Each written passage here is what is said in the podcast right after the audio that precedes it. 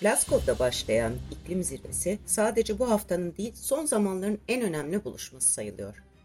Cumhurbaşkanı Erdoğan ise ABD Başkanı Biden'la G20'de konuşma fırsatı bulunca iklim toplantısına katılmaktan vazgeçti. Gerekçe Türkiye heyetine yeterli araca izin verilmeyişiydi. Oysa çoğu lider düzeyinde 197 ülkenin katıldığı bu zirve dünyayı kurtarmak için son şansımız olabilir başlıklarıyla tartışılıyor. Zira kuraklıktan aşırı yağış ve kasırgalara, ormanların kaybından denizlerin taşmasına, canlı türlerin yok oluşundan okyanus akıntılarının değişimine, iklim afetleri giderek şiddetleniyor. Tüm bunlar ekonomiden sosyal yaşantıya, siyasetten sağlığa herkesi ve her şeyi olumsuz etkiliyor. Karbon emisyonları sınırlandırılmazsa gidişat felaket. Ne var ki şimdiye kadar atılan adımlar, alınan önlemler yetersiz kaldı. Peki Glasgow'daki konferans dönüm noktası olabilecek mi? Neler konuşuluyor, neler bekleniyor? Türkiye'nin yeni beyanı ne olacak? Arka planda Glasgow'daki iklim zirvesine dair bilmeniz gerekenleri masaya yatırdık.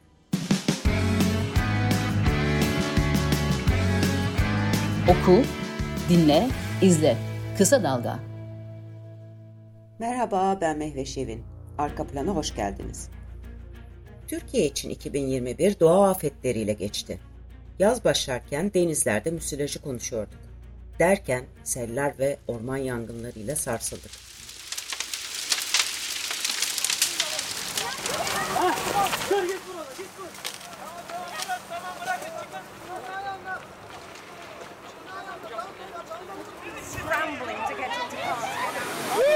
Çarpacak şimdi ya.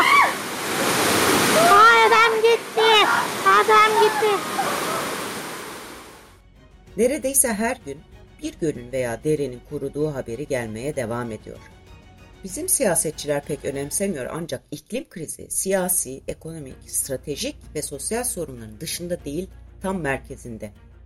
Çözümleri erteleyerek günü kurtarmak adına yapılan siyaset sorunun daha da büyümesinden başka bir işe yaramıyor. Bilim, felaketlerin katlanarak artacağını ve bugünleri mumla arayacağımızı her yeni araştırmayla, kanıtlarıyla gösteriyor. İşte bu nedenle bu yıl İskoçya'nın Glasgow şehrinde yapılan 26. Taraflar Konferansı, kısaltılmış haliyle COP26'dan beklenti büyük. Taraflar Konferansı, Birleşmiş Milletler'in İklim Değişikliği Çerçeve Sözleşmesi bünyesinde 1994'ten beri düzenleniyor.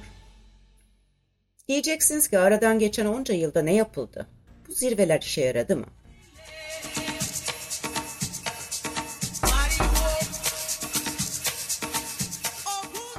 Bunlardan bir tanesine ben de katılmıştım. 2011'de Güney Afrika'nın Durban kentinde düzenlenen bir taraflar konferansındaydı. Sadece ülke liderleri değil, sivil toplum örgütleri ve uluslararası şirketlerinde stand açtığı, paneller düzenlediği bu zirve biraz dostlar alışverişte görsün havasında bitiyordu. İklim aktivistleri bunu gördükleri için protestolar düzenliyordu. Durum aslında bugün de çok farklı değil. Ama yine de aradan geçen yıllarda bazı adımlar atılabildi. Bu süreçte en önemli adım 2015'te Paris'te imzalanan iklim anlaşması oldu. Sonunda bir kriter belirlenmişti. Küresel ısınmanın sanayi devrimi öncesindeki ortalamaya göre artı 1,5 dereceyle sınırlandırılması kabul edildi. Bu amaçla sera gazı emisyonlarını azaltmak, yenilenebilir enerji üretimine geçiş yapmak, iklim afetleriyle boğuşan yoksul ülkelere yardım yapmak gibi hedefler belirlendi. Yeri gelmişken emisyondan ne kastedildiğini anlatayım. Karbon veya sera gazı emisyonu benzin, kömür, doğal gaz tüketerek, beton dökerek ya da endüstriyel hayvancılık gibi faaliyetlerle atmosfere yolladığımız karbondioksit gazı miktarına verilen isim. Bizde yanlış da olsa karbon salınımı veya karbon salımı terimleri de kullanılıyor. Bunun yerine karbon emisyonu veya sera gazı emisyonu demek daha doğru. İnsan faaliyetli kaynaklı karbon emisyonu küresel iklim değişikliğinin de ana nedeni. Bu yüzden gelişmiş ülkelerin hemen hepsi karbon emisyonunun başlıca sorumlusu olan petrol, gaz ve kümür kullanımını kısıtlayacağını beyan etti. ABD'den Almanya'ya, Çin'den Türkiye'ye 2030'da karbon emisyonunu azaltan, 2050'de sıfırlayan hedefler açıklandı. Fakat BM Çevre Programı'nın son raporuna göre bu iddialı sözlerinin ardındaki gerçek başka. Her şeyden önce dünyanın en büyük petrol üreticileri, gaz üreticileri, üretim seviyelerinde azalma filan planlamıyor. Aksine gaz üretiminin iki katına çıkması, petrol üretiminin %10 civarında artması, kömür üretiminde çoğu 2035 sonrası olmak üzere sadece %10-15 civarı azaltılacağı ortaya çıktı. Tahmin edersiniz ki bu planlarla artı 1,5 derece hedefini tutturmaya imkan yok. Hatta şu anda dünyada ortalama sıcaklık artışı artı 1.2'yi geçti. İşte Glasgow'daki COP26'dan beklentilerin başında emisyon azaltım beyanlarının 1,5 derece hedefine göre güncellenmesi var.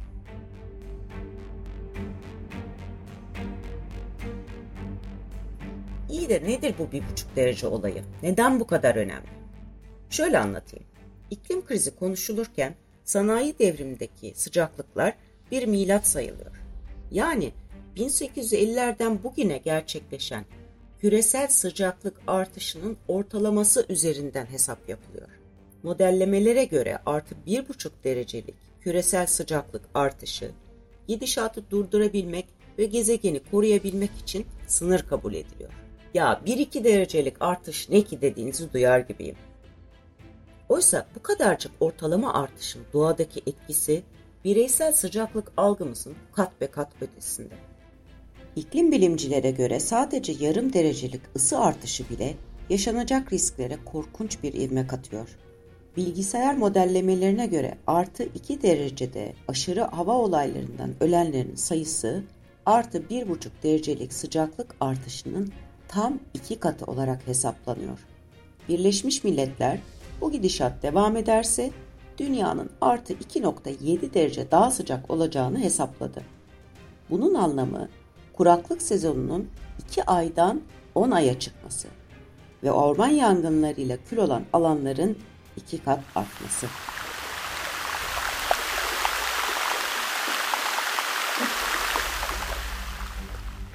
Türkiye'den örnek verelim.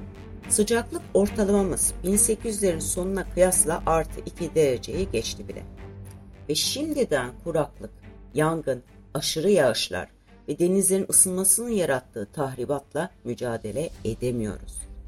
Çok değil, 10 yıl sonra işler iyice sarpa sarabilir. WWF'in Türkiye'nin Yarınları projesi raporuna göre sıcaklık artışı 2030'lu yılların sonuna kadar sınırlı kalsa da bu dönemden sonra hızlı bir artış bekleniyor.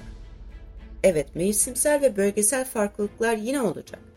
Ancak sıcaklık artışı 1960 ila 1990 yıllarına kıyasla kış mevsiminde artı 4 derece, yazın ise artı 6 derece civarına çıkabilir. Exploitation of people and nature and the planet. No more exploitation. No more blah blah blah. More whatever the f- you're doing inside there. Glasgow'a giden genç iklim aktivisti Greta Thunberg'i dinlediniz. Daha fazla sömürmeye son. İçeridekiler boş boş konuşup durmasın deyip küfür sallarken bazılarına sevimsiz geliyor. Peki haksız mı? Bu yıl gelişmekte olan ülkeler iklim değişikliğiyle mücadele etmek için zengin ülkelerden daha fazla maddi yardım talep ediyor. Türkiye ise yıllarca Yeşil İklim Fonu'ndan yararlanmak için oyalandı. Çünkü bu fondan yararlanmak için ek bir denen gelişmiş ülkeler kategorisinden çıkması gerekiyordu.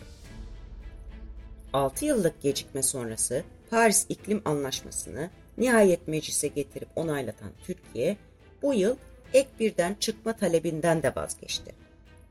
Heinrich Böll'ün proje koordinatörü, çevre mühendisi Menekşe Kızıldere mevcut durumu şöyle izah ediyor. Türkiye yıllardır ek birden çıkmak için her COP öncesi bir talepte bulunurdu COP başkanlığına.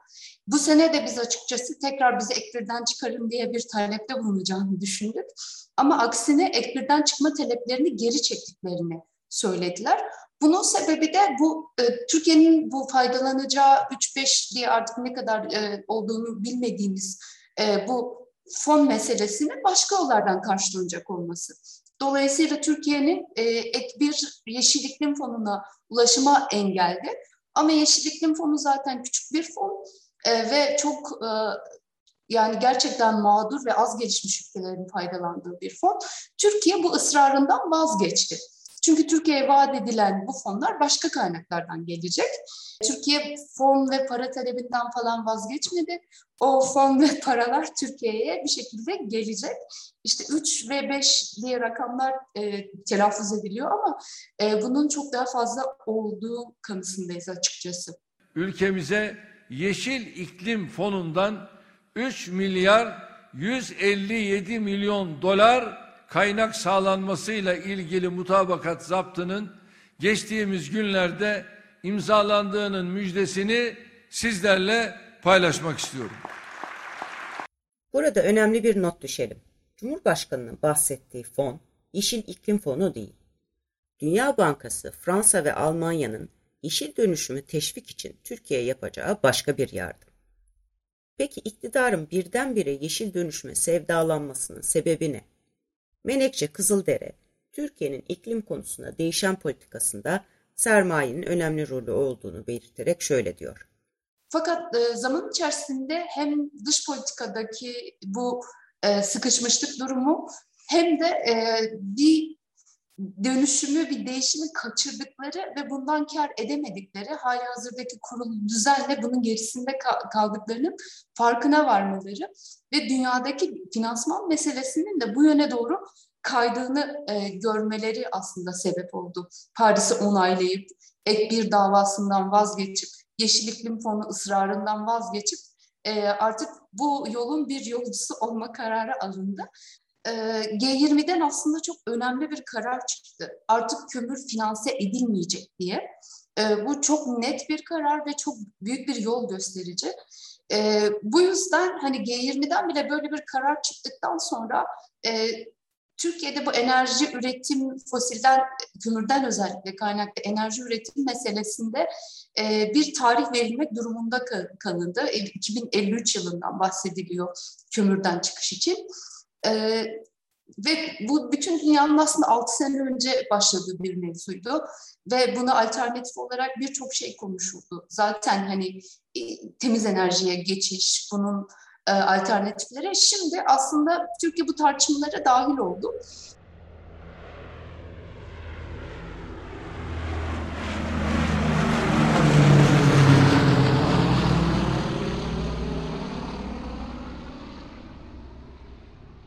...2030'a kadar karbon emisyonunu %55 azaltma hedefini açıklayan Avrupa Birliği... ...20 yıl içinde uçak yakıtları, petrol ve dizel arabayı satışının yasaklanmasını hedefliyor. Türkiye gibi AB'ye ihracat yapan ülkeleri yakından ilgilendiren bir konuda karbon sınır vergisi. Buna göre AB, çelik ve beton gibi ürünlerin ithalatında AB dışındaki imalatçılara daha fazla vergi uygulayacak. Haliyle Türkiye istese de istemese de şu andaki iş yapma şeklini değiştirmek zorunda. Sanayisinden tarımına, enerji yatırımından inşaata, turizmden balıkçılığa, her sektörün iklimle uyumlu hale gelmesi demek, her şeyin A'dan Z'ye değişmesi demek. Ancak Türkiye hala kömüre yatırım yapıyor. Hala enerji verimliliğine önem vermiyor. Hala ormanları kesiyor, kıyıları talan ediyor. Afetlere hazır değil. Hala inşaatla geçiniyor, beton dökmeyi marifet sanıyor. Sanayi atığını denizlere boşaltıyor. HES'ler ve barajlarla derelerin yanlış tarım uygulamayla toprağın canına okuyor. Yetmezmiş gibi dünyanın plastik çöpünü ithal ediyoruz. Üzerine bir de Kanal İstanbul gibi iklim ve çevre düşmanı projeler destekleniyor. Kalkınma anlayışı buyken hangi iklim hedefini tutturabiliriz orası bir muamma. Türkiye sera gazı emisyonunu önümüzdeki 9 yılda azaltacağını hatta 2053'te sıfırlayacağını iddia ediyor. Burada anahtar terim arttırarak azaltma. Türkiye 2012'de 430 milyon ton olan sera gazı emisyonunu 2030'da 929 milyon tonun altında tutacağını söylüyordu. Yani önce sera gazı emisyonunu %100'den fazla arttıracak, bunun üzerinden %21'lik bir azaltma yapacaktı. Fakat COP26'dan gelen kulislere göre Türkiye'nin yeni beyanında emisyonlarda %38 azaltıma çıkması söz konusu. Menekşe Kızıldere bunun yeterli olmasa da büyük bir dönüşme işaret ettiğini vurguluyor. Dolayısıyla bunun mekanizmaları tabii kurmak lazım. Artıştan azaltım bile çok ciddi bir şey. Ee, üretimi, üretimdeki dönüşümü, ener, özellikle enerji üretimini e, ve e, onu etkileyen diğer piyasalardaki dönüşümü ciddi şekilde etkileyecek e, bir karar aslında. Tabii ki samimi bir karar değil elbette. Hani Türkiye gibi bir ülke için olması gereken bu değil. Ee, ama yani Türkiye'yi ciddi bir dönüşüm bekliyor açıkçası ve sermayeyi özellikle bağlayacak bir dönüşüm olacak. Biraz evvel başka devletlerin verdiği taahhütlerin artı bir buçuk dereceyi tutturmaya yetmediğine değinmiştim. Şimdi hangi ülkenin ne söylediğine ve yaptığına bakalım. Bir kere en çok karbondioksit emisyonu üretenler sırasıyla Çin, ABD, Hindistan, Rusya ve Avrupa Birliği. Of each of our nations with determination and with ambition. That's what COP26 is all about.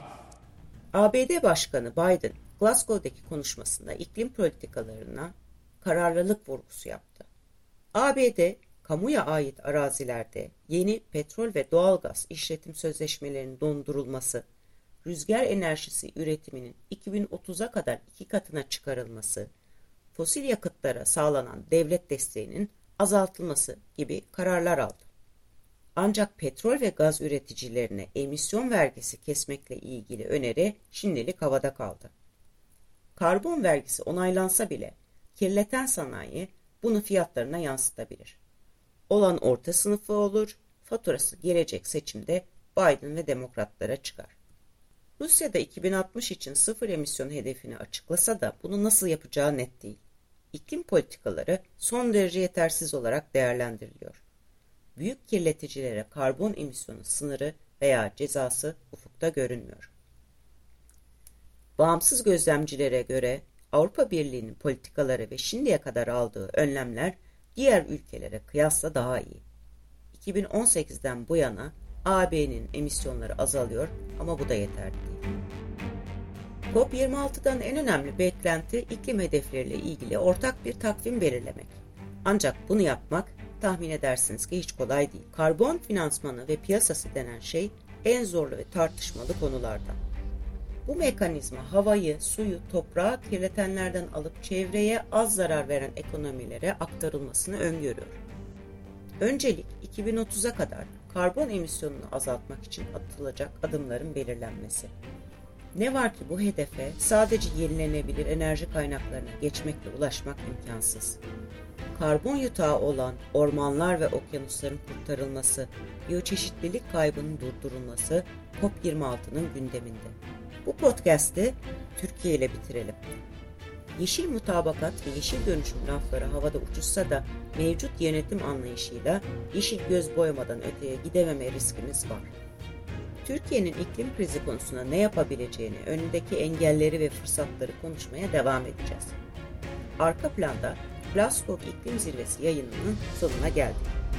Haftaya tekrar görüşmek üzere. Hoşçakalın. Kısa Dalga podcastleri Demet Bilge Erkasab'ın editörlüğünde Mehmet Özgür Candan'ın post prodüksiyonu ve Esra Baydemir'in hazırladığı görseller ile yayınlanıyor. Kısa Dalga'ya destek vermek için Patreon sayfamızı ziyaret edebilirsiniz.